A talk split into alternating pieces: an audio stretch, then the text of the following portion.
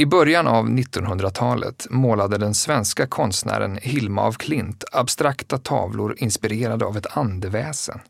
Kring sekelskiftet 1900 hade esoteriska, mystiska läror fått ett enormt inflytande på konstnärer, kompositörer och författare i Europa. Vad berodde det på? Varifrån kom denna fascination för det okända?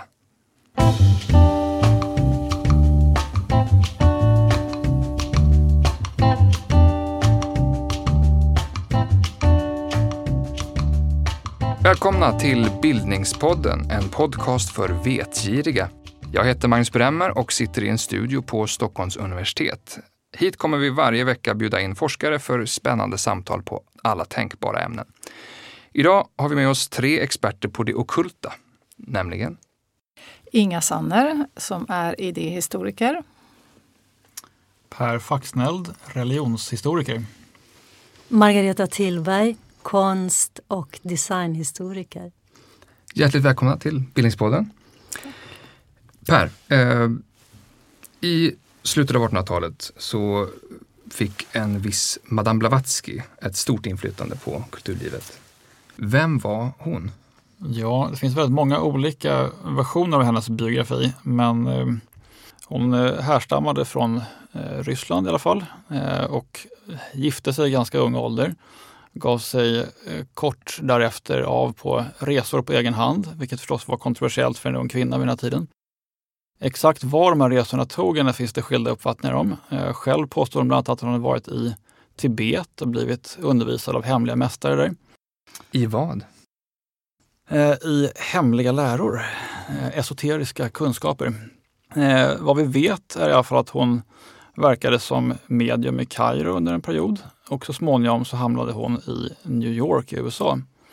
Och där så var hon 1875 en av de personer som grundade Teosofiska sällskapet. Det var en grupp som eh, drevs av den grundläggande idén att alla religioner och mystiska läror har en inre hemlig kärna som är gemensam och att man kan på något sätt försöka vaska fram den här inre kärnan och se vad den är. Hur, gick de tillväga för att vaska fram den inre kärnan? Ja, det var kanske inte alltid så spännande att man skulle kunna tro, utan det handlade mycket om att eh, läsa vetenskapliga texter och sitta och spekulera kring dem. Eh, det kunde också i viss mån röra sig om en del mer eh, praktiska övningar.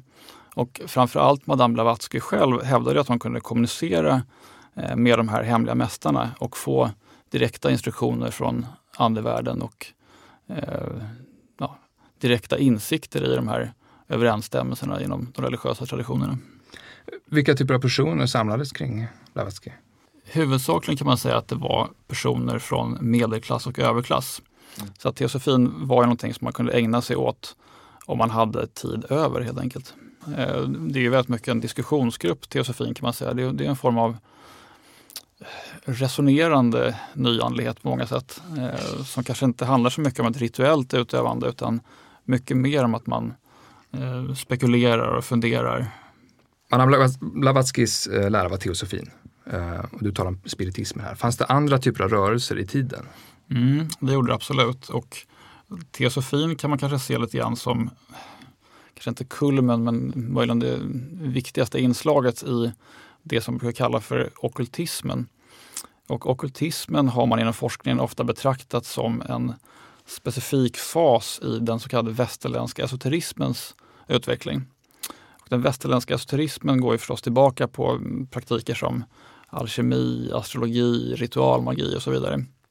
Men okultismen är det specifika skede där de här praktikerna och föreställningarna möter eh, moderniteten, sekularismen, naturvetenskapen. Så det handlar mycket om att man försöker hantera till exempel upptäckten av röntgenstrålar 1895. Eh, man försöker hantera att man plötsligt kan se osynliga organismer i ett mikroskop. Plötsligt får man en massa belägg på att det finns mer än vad blotta ögat kan se. Men vad har det här då för implikationer för esoterismen, för ritualmagin, för alkemin? Bekräftar det den eller omkullkastar den? Så det skapar en slags ångest och oro både hos esoteriker men också hos allmänheten som kanske börjar fråga sig om, om det ligger något i de här eh, esoteriska äldre spekulationerna. Men plockar man upp äldre föreställningar från historien eller reagerar man på det moderna samhället? Både och. Så Mm. det, det handlar om ett möte mellan eh, idétraditioner som är väldigt gamla, eh, antika i många fall, eh, och en ny hybridform som är väldigt specifik för just sekelskiftet 1900 som skapas i det här mötet. Vad är, vad är det mest unika för den hybriden? Så att säga? Det är nog alltså, i- inlånet av olika naturvetenskapliga ja, terminologi för naturvetenskapen kanske för att skänka någon slags legitimitet åt esoteriska idéer. Eh, men det är också inte bara så att man eh, lånar för att verka vetenskapligt utan det är också ett, ett genuint möte mellan naturvetenskap eh, och västerländsk esoterism som sker. Fanns det några konflikter mellan de olika grupperna? Ja, har det funnits konflikter mellan olika socialistiska grupper i historien? Eh, Ja, naturligtvis så var det Mm. väldigt mycket konflikter och eh, rena magiska krig periodvis faktiskt när man kastade besvärjelser på varandra och försökte ta livet av varandra på magisk väg och sådär. Vem var Blavatskys bittraste fiende? Eh, Blavatsky var en svuren fiende i det senare skedet av sin karriär till spiritismen faktiskt. Vad bestod själva konflikten i? Ja, hon, hon hävdade väl att eh, de här andarna som spiritisterna kommunicerade med inte var vad de utgav sig för att vara.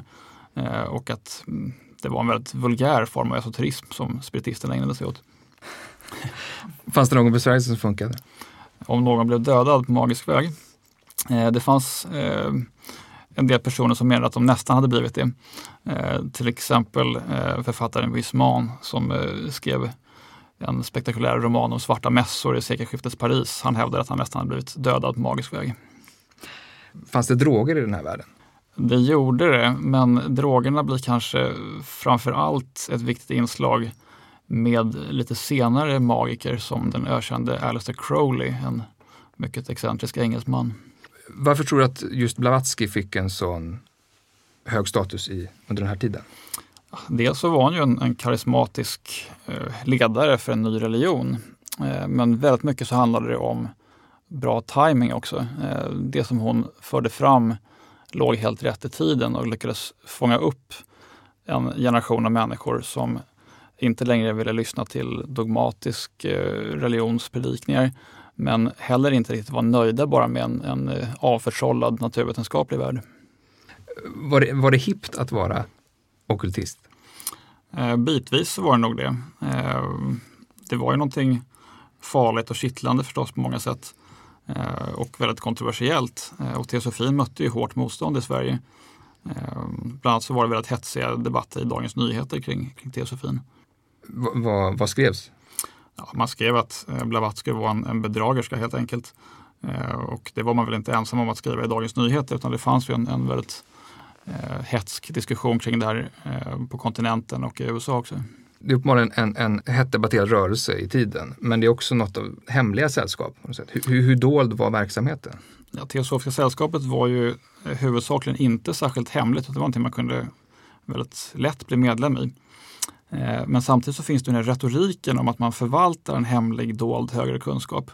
Eh, och den kanske då i och för sig är tillgänglig om man läser tusen sidor tjock, eh, tråkig bok som Madame Blavatsky har skrivit. Eh, Men det är ändå den här lockande, just retoriska greppet med att det är någonting hemligt som vi har här. Men så vem som helst kunde bli medlem i stort sett? Ja, det stämmer absolut. Men sen fanns det ju andra sällskap, till exempel frimurarna, som inte var lika lättillgängliga. Teosofin i Sverige så nådde ju verkligen upp i de allra högsta samhällsskikten. Oskar II till exempel var väldigt intresserad av teosofi. Och deltog? I, Det där är inte helt kartlagt ännu faktiskt, men rätt mycket tyder på att han var ganska aktiv teosof privat. eh, Margareta, eh, uppenbarligen var det ju också konstnärer som eh, var aktiva i de här sällskapen. Eh, fick, fick det okulta något inflytande på konsten? Okult betyder dold kunskap. Och konstnärer har i alla tider ansetts vara och sett sig själva som sådana som har tillgång till någonting som vi vanliga människor inte kan se. Så det som händer kring sekelskiftet 1900 med tekniska och vetenskapliga uppfinningar röntgenkamera, plötsligt kan man se genom ogenomskinliga kroppar mikroskopkameror, man kan se bakterier röra på sig och så vidare. Så det här var ju någonting då som konstnärerna också blev intresserade av. Här kunde man se nya världar. Hur tog det sig uttryck i, i konsten? Om man tänker konsten under 1800-talet så skulle den vara så lik verkligheten som möjligt.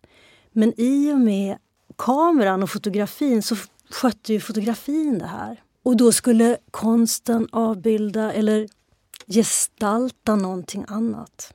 En verklighet som vi vanliga människor då inte kunde se. Men som konstnären med sitt känsliga öga, känsligare öga, kunde se. Så vägen in till det övernaturliga går mångt och mycket genom modern teknik? Um, det är en väg, genom den moderna tekniken. Men genom till det övernaturliga också det tränade ögat. Och där använde sig också konstnärerna av de här okulta rörelserna eller vad man vill kalla dem. Och det, de övningarna man kunde göra där, praktiska övningar som yoga och meditation. För att bli mer känsliga. Kan du ge några exempel på konstnären som var särskilt påverkad av okult tankegods? Kupka, en tjeckisk konstnär. Churlionis, en litauisk konstnär. Eh, När verkade de ungefär? Ja, det är kring sekelskiftet, 1900. Kandinsky, rysk konstnär som var verksam i Tyskland och Frankrike. Och Hilma af Klint. Hur kan man se i konsten att, att det finns övernaturliga spår? Det där är en väldigt svår fråga att svara på därför att det handlar ju om vad man lägger in i det man ser. Om man tolkar in vad man vill tolka in i det här abstrakta som inte ska föreställa någonting. Vad tolkar man in i en svart kvadrat till exempel? Vad tolkar man in i en färgglad stege mot en svart bakgrund, mot en mörk bakgrund? Vad tolkar man in som hos Mondrian i ett nät, i ett svart nät med gula, röda, gråa, blåa rektanglar och kvadrater? Man kan tolka in många olika saker i det här. Och det är inte alltid man har tolkat in okultism i det här utan det är en ganska sen företeelse faktiskt. Vilken roll hade det andliga i själva målandet, i själva måleriakten? Om vi, om vi tar munkar i den ortodoxa traditionen så var målandet av ikoner en del av bönen. Och eh, vissa okulta målare också, för dem handlade det om att fånga upp röster till exempel eh, och översätta dem till måleriduken. Men om vi ska göra det väldigt, väldigt mycket mer konkret göra konkret. Vad är det en konstnär gör? En konstnär översätter färger, om vi tar en målare, där ute till duk. Och då kan man göra det på olika sätt. Man kan göra det i gamla tider. Kemi, alkemi, man extraherar metaller från sten och gör färg från dem. Eller man kan göra den röda färgen till exempel från korsenill. Det är en, en lus som man krossar och gör väldigt dyrbar färg av. Så det konstnärerna gör när de har extraherat det här från jordens inre eller naturen och sen blandat ut det här med olja för att det ska fästa på en duk för oss att se. Då är konstnären en trollkar, en trollkona som lyckas göra det här och som översätter det här som inte går att se eller få tag på för oss vanliga människor till någonting som vi kan se och till och med ta på. Per pratade tidigare om hur okultismen på sätt och vis är ett möte mellan ett historiskt tankegods och en modern värld. Så, kan man förstå den här konsten på det sättet också? Många konstnärer menar att de hämtar kunskap som är uråldrig. Någonting som gjorde att, att konstnärer ansågs vara närmare det genialiska kring sekelskiftet 1900 det var om de var synesteter. Det vill säga om de hade tillgång och kunde blanda sinnesintryck, hörsel, syn, doft, känsel. Om man, kunde, om man hade det här som ett utvidgat öga så att säga. Då såg man ju ännu mera. Och det här ansågs vara någonting som var väldigt bra, att vara synestetiker. Så många konstnärer ville vara det. Baudelaire, poesi, Um, återigen Kandinsky. Många konstnärer ansåg att de var synestetiker. Rimsky-Korsakov. Det är ju jätteintressant. Men det finns inte kopplingen till det där med sjätte sinne? Att det finns ytterligare ett sinne då? Sjätte sinne brukar man ju kalla intuition. För det spelar en ganska stor roll i de spiritistiska sammanhangen. Och även i tidig psykiatri så finns det ju, där finns det ju jättemycket korsbefruktningar. Mm. Tidig psykiatri, spiritism. Och sjätte sinnet spelar en ganska stor roll. Mm. Hur då? Eh, att det är någonting som man tänker, alltså det här hänger ju väldigt mycket ihop med evolutionismen också. Att mm. man tänker sig att det här är någonting som kommer att utvecklas efterhand och där människor rent sensibiliteten kommer att öka. Och det är ju en tanke som inte alls bara finns hos spiritisterna vid den här tiden. Herbert Spencer är en av dem. Alltså det är många som har det här med att vi blir mer och mer sensibla. Och det här kommer hänga ihop med ett sjätte sinne som står för någonting som har med intuition och helhet och, och sånt att göra. Så det här låter ju lite grann som att det är åt det hållet. Mm. Forskningen kring det här tog slut ganska drastiskt kring 1930 internationellt mm. också. Mm. Så att det här är någonting som hör samman med... Alltså det är svårt att mäta synestesi. För mm. en, en mm. synestetiker kan vara mer känslig hörsel än syn och så vidare. Oftast är det ju hörsel och syn mm. okay. som är tillsammans. Men, men eh, men det är individuellt och därför svårmätbart. Och kring 1930 då, skulle, då, då blev det än mer att allting skulle mätas och vägas annars var det inte värt att slösa tid och pengar på det här. Fanns det okulta kotterier även inom konsten? Ja, det gjorde det. Ett sånt som man kan nämna, kanske inte i första hand ett okult kotteri, men en, en grupp där man var väldigt intresserade av det okulta var eh, skandinaviska konstnärsbohemer som drogs till Berlin kring sekelskiftet 1900. Och där fanns till exempel August Strindberg, Edvard Munch eh, och en rad andra eh, kända konstnärsnamn. Och där läste man mycket teosofi, ofta med en kritisk blick i och för sig, men man påverkades ändå av det. Och man intresserade sig för alla möjliga typer av eh, okultism och även satanism var ett, ett ganska populärt tema i det här eh, gänget. Så de, de sakerna kunde samsas? Ja, hos konstnärer i alla fall, eh, som inte var primärt som utövare av de här esoteriska systemen utan mer såg det som något som kanske öppnade upp tänkandet och skapandet på olika vis. Men det var mer läsgrupper än, än konstnärliga workshops? Eh, ja, jag vet inte hur man ska beskriva eh, den här kretsen i Berlin egentligen. Eh, kanske mer fylleslagen än något av de sakerna som du, du nämnde. En, en sak kanske om eh, den samtida receptionen av eh, konsten eh, som esoterisk. Jag tror att det finns en, en det har funnits åtminstone en, en blindhet inom forskningen för hur många av de här eh, målarnas verk uppfattades av samtiden. Till exempel kan man ta Edvard Munch eh, som ju i sin samtid var omskriven som en esoterisk konstnär av bland annat August Strindberg faktiskt som skrev en, en recension av en av Munchs utställningar där han kallar honom för en esoterisk målare. Och det, det är någonting som har försvunnit lite grann eh, ur faktiskt även styret av, av receptionen av de här verken.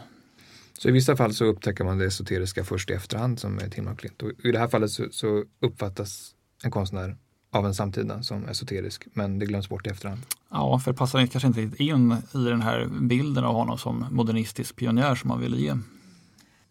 Men vad var esoteriskt med Munk? Exakt vad Strindberg menade med det är faktiskt inte så, inte så tydligt i hans formuleringar, föga förvånande. Eh, men det, en del har menat, eh, forskare, till exempel norrmannen Arne Eggum, att de här pulserande fälten som man kan se kring figurerna i, många av Munks bilder skulle vara någon slags eh, auror eller esoteriska energifält inspirerat av läsning av teosofiska verk. Men vad var inte modernistiskt med det? På vilket sätt gick det esoteriska stick i stäv med det modernistiska? Alltså senare forskning har ju ganska tydligt visat att det sker en slags växelverkan mellan tidiga modernismen och esoteriska tankeströmningar. Men det kanske inte var det som passade in så bra i, låt säga, 50 och 60-talets eh, idealiserade syn av modernismen där man ville fjärma den lite grann från eh, det här ockulta tankegodset. Hur såg satanismen ut? Ja, världens första egentliga satanistiska tankesystem formuleras faktiskt bland de här konstnärsbohemerna. Och det är en, en polsk författare som heter Stanisław Przybyszewski som eh, skriver en rad märkliga texter där han hyllar djävulen som en slags eh, inspiratör för all sann konst och eh, den store första filosofen och sådana saker.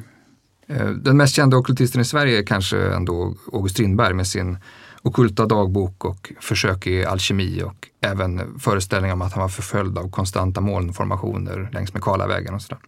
Inga, eh, var August Strindberg ensam eller hur såg det okulta sekelskiftet ute i Stockholm? Strindberg var absolut inte ensam. Eh, det var en ganska det är svårt att räkna men, eh, men det var en förhållandevis ändå utbredda föreställningar som tog sig lite olika uttryck. Teosofin var betydelsefull. Spiritisterna var betydelsefull. Eh, och eh, jag tänker där apropå det här med konsten att där har vi ju de spiritistiska medierna som ju var en, en, spelade ju en väldigt viktig roll under seanserna. Och de ritade ju faktiskt sån här så kallad automatisk ritning. Det var kanske inte något jättehögt konstnärligt eh, värde i det de tecknade och ritade men, men det var ju då tanken att det var en direkt inspiration ifrån högre eh, världar som kom fram i de här teckningarna.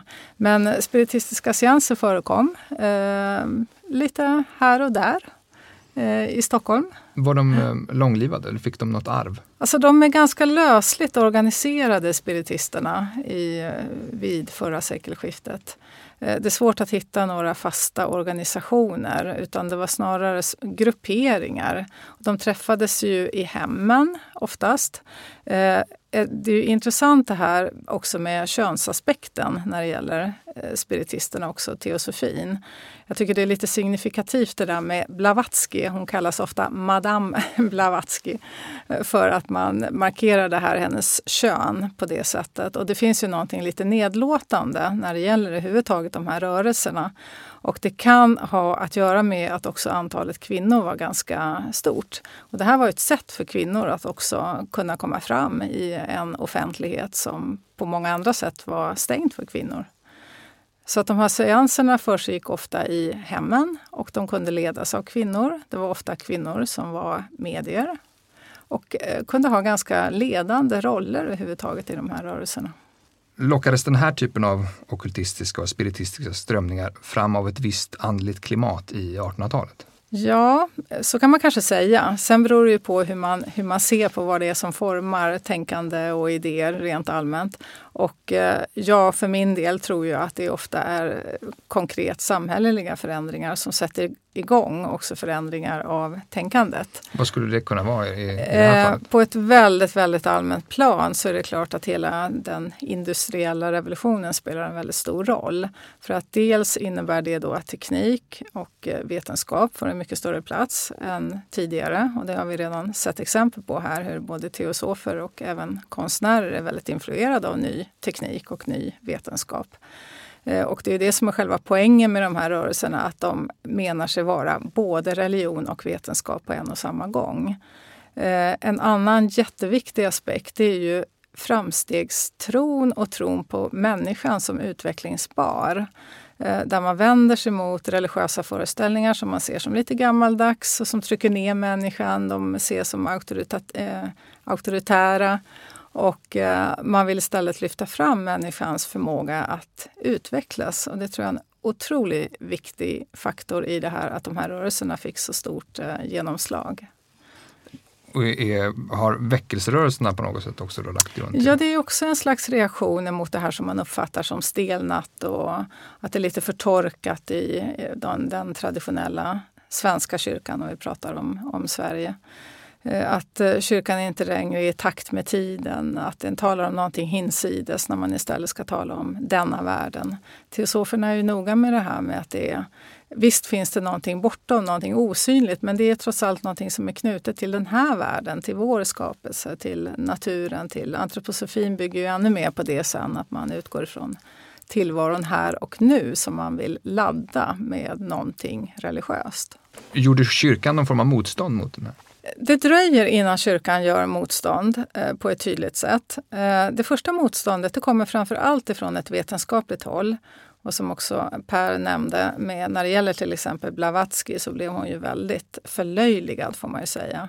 Eh, I Sverige har vi en ingenjör, en författare som heter Karl av Geijerstam som skriver en bok om, han skriver flera böcker om Madame Blavatsky. Han verkar vara väldigt, väldigt intresserad av henne verkligen. Eh, men han talar om det här som modern vidskepelse och varnar för det här verkligen. Eh, och han tycker det är lite märkligt att i en tid som egentligen borde vara mycket mer avkristnad så, och avrel, eh, att man inte längre ska tro på religion så dyker de här idéerna upp. Han tycker det är lite märkligt, det stämmer inte med utvecklingen egentligen. Eh, så att det dröjer innan kyrkan börjar på ett mer aktivt sätt eh, kritisera de här rörelserna. Jag tror att man inte ens riktigt vill ta i dem. Det är lite skämmigt, det är lite pinsamt med de här rörelserna.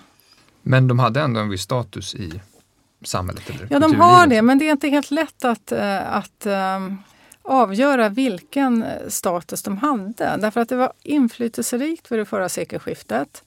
Eh, men det var lite sådär fördolt. Precis som man inom de här rörelserna talar om någonting som, som är fördolt så var de här rörelserna också lite fördolda. Det var inte helt enkelt att säga att man var spiritist eller eh, framförallt spiritist. Teosof tror jag var enklare att, att säga att man var. Men när det gäller spiritister så de utger ofta verk i, under annat namn eller anonymt eller, eller sådär. Så att, eh, det var lite skämmigt redan då att säga att man var spiritist. Sen har ju det fortsatt, hela den traditionen har ju fortsatt med att, att det här är inte riktigt accepterat, ett riktigt accepterat tänkande. Ja, vad hände med de här rörelserna under, under 1900-talet sen? De lever och frodas, men eh, under lite olika former. Eh, teosofin och spiritismen som vi känner dem från det förra sekelskiftet ebbar ju ut någon gång, vad ska man säga, mitten av 1900-talet. Men sen kommer ju en ny stor våg i slutet av 1900-talet i form av new age. Eh, och här, det är ju intressant därför att det finns ju väldigt stora likheter med den här gamla old age. I, På vilket sätt? Eh, väldigt mycket sig likt. Det gäller till exempel hela utvecklingstron. Tanken på att, att tillvaron hänger ihop som en enhet. Att det finns både någonting materiellt och någonting andligt och att det här är intimt sammankopplat. Att människan har del av det här både materiella och det eh, andliga. Eh, att människan har möjligheter att utvecklas rent andligt. Eh, det här flörtandet med vetenskapen, att vetenskap och religion eh, hänger ihop. Men inom new age så talar man väldigt sällan om religion utan här är det då vetenskapen står högt i kurs. Läs, läs, har man läst inom new age skrifter från old age? Så. Nej, egentligen inte. Så det är ett slags omedvetet? Det är ett litet hopp där i mm. historien. Eh, man går inte tillbaka till det. Utan new age är en new age. Det mm. ska verkligen vara någonting nytt. Uh, och det är väldigt vanligt i historien det här med att man vill hela tiden betona att en rörelse är ny i förhållande till någonting gammalt. Så att jag tror inte att anhängare av new age och den beteckningen är också lite problematisk därför att det är inte så många som själva vill kalla sig för new age. Men anhängare till eh, new age skulle vill nog inte gärna bli förknippade med, med old age. Eh, per, finns det någon sekelskiftesockultist som plockas upp senare under 1900-talet?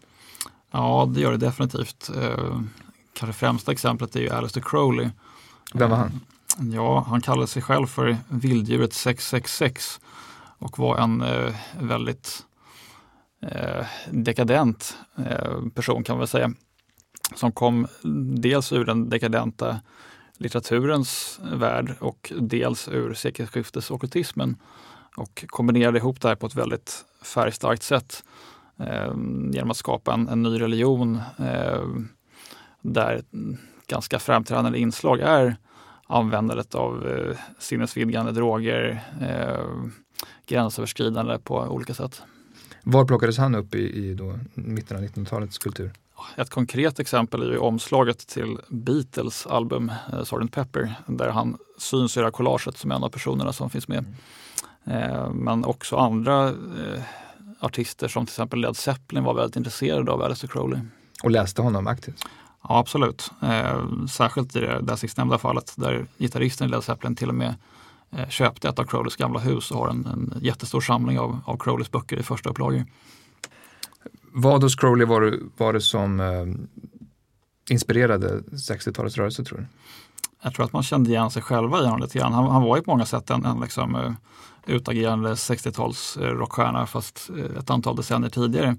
Uh, tog droger, hade massor av sex med båda könen, var gränsöverskridande, lekte med farlig symbolik och så vidare. Inga, hur okult är vår tid?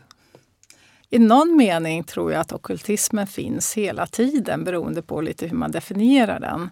Eh, och helt klart är det ju så att new age-idéerna inte har spelat ut sin roll, men de ges ju lite olika uttryck. Eh, du frågade förut efter likheterna med old age under 1800-talet. Man kan ju också fråga sig om skillnaderna. Och jag tror att new age idag är ännu mer kanske inriktad på eh, individens utveckling och individens självförverkligande och eh, kopplingar till olika typer av psykoterapier, eh, kanske med eller utan droger som hjälp, eh, finns ju väldigt klart framträtt. Det finns också inom ramen för new age böcker som handlar om att man ska bli rik genom att eh, få del av olika andliga sfärer.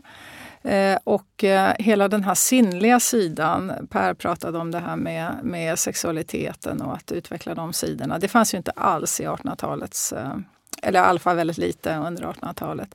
Så att det är vissa sidor av den, människans utveckling som är mera framhävt eh, idag. Eh, och därför så gränsar de här idéerna ibland till idéer som vi uppfattar som kanske mera accepterade inom kanske framför allt psykologi och eh, psykoterapi. Det är inte alltid helt lätt att dra de här gränserna. Sen hittar ju new age idag också nya former genom nätet där det finns alla möjliga typer av sammanslutningar och idéer och, och collage och sätt att tänka som, som också representerar något helt nytt. Uppfattar man eh, Hilma af Klints måleri på ett annat sätt idag än vad man gjorde vid sekelskiftet? Hilma af Klint visade inte sitt abstrakta måleri kring sekelskiftet utan ville själv att det skulle gå en, en viss tid innan det visades upp. Så hon deltog inte i de här abstrakta konstströmningarna kring 1910 när den abstrakta konsten exploderade. Utan det man då såg från henne det var porträttmåleri och landskapsmåleri.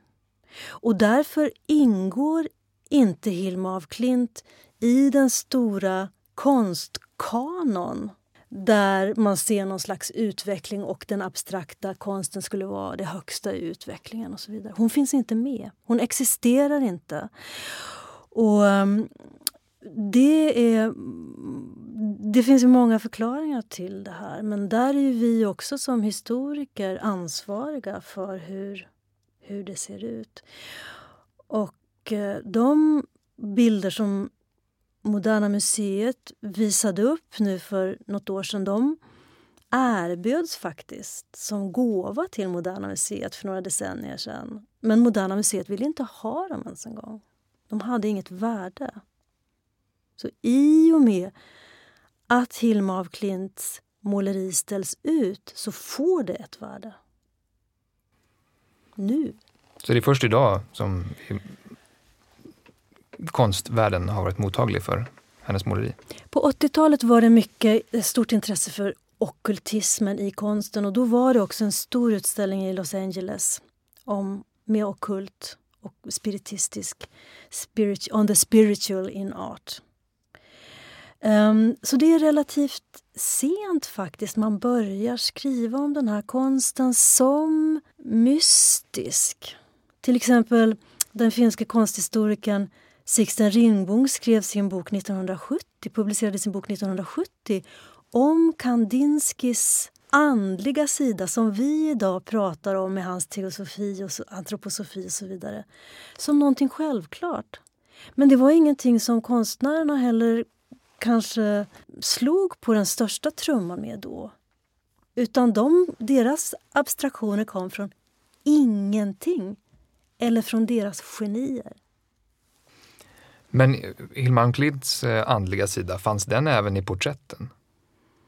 Eller är den bara eh, i den abstrakta konsten? Jag är ingen expert på Hilma af Klint, men en målning är alltid en abstraktion. Det är aldrig en exakt avbild av någonting. Så vad man vill läsa in i Hilma af Klints porträttbilder. Ja, det är mycket som är öppet kring hennes konstnärskap. Hon, hade också, hon skrev också en okult dagbok som fortfarande är ganska outforskad. Så Hilma af Klint är ett outforskat konstnärskap och det är delvis det som gör henne så spännande. Det är möjligt att skapa en his, ett historiskt sammanhang nu, idag, som inte var möjligt då. Då kanske hon, precis som Madame Blavatsky bara hade varit en bedragerska. Idag skulle man nog vara mer försiktig att slänga sig med en sån term. Vi har talat tidigare om hur, hur modern teknik och allt från röntgenstrålar till fotografi påverkade de ockultistiska idéerna kring sekelskiftet. Finns det någon sån, något sånt inflytande från de digitala medierna idag?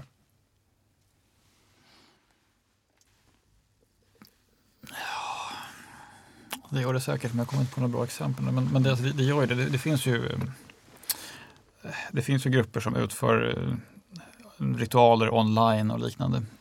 Så att det i någon mening gör det. Fast frågan är om det har revolutionerat mm, på något liksom, ontologiskt plan okultismen eller snarare är frågan om att man använder den nya tekniken som ett, ett eh, redskap med att inte ha någon djupgående påverkan kanske på Men seanser sker på online alltså? Om man vill använda begreppet seanser så ja, jo.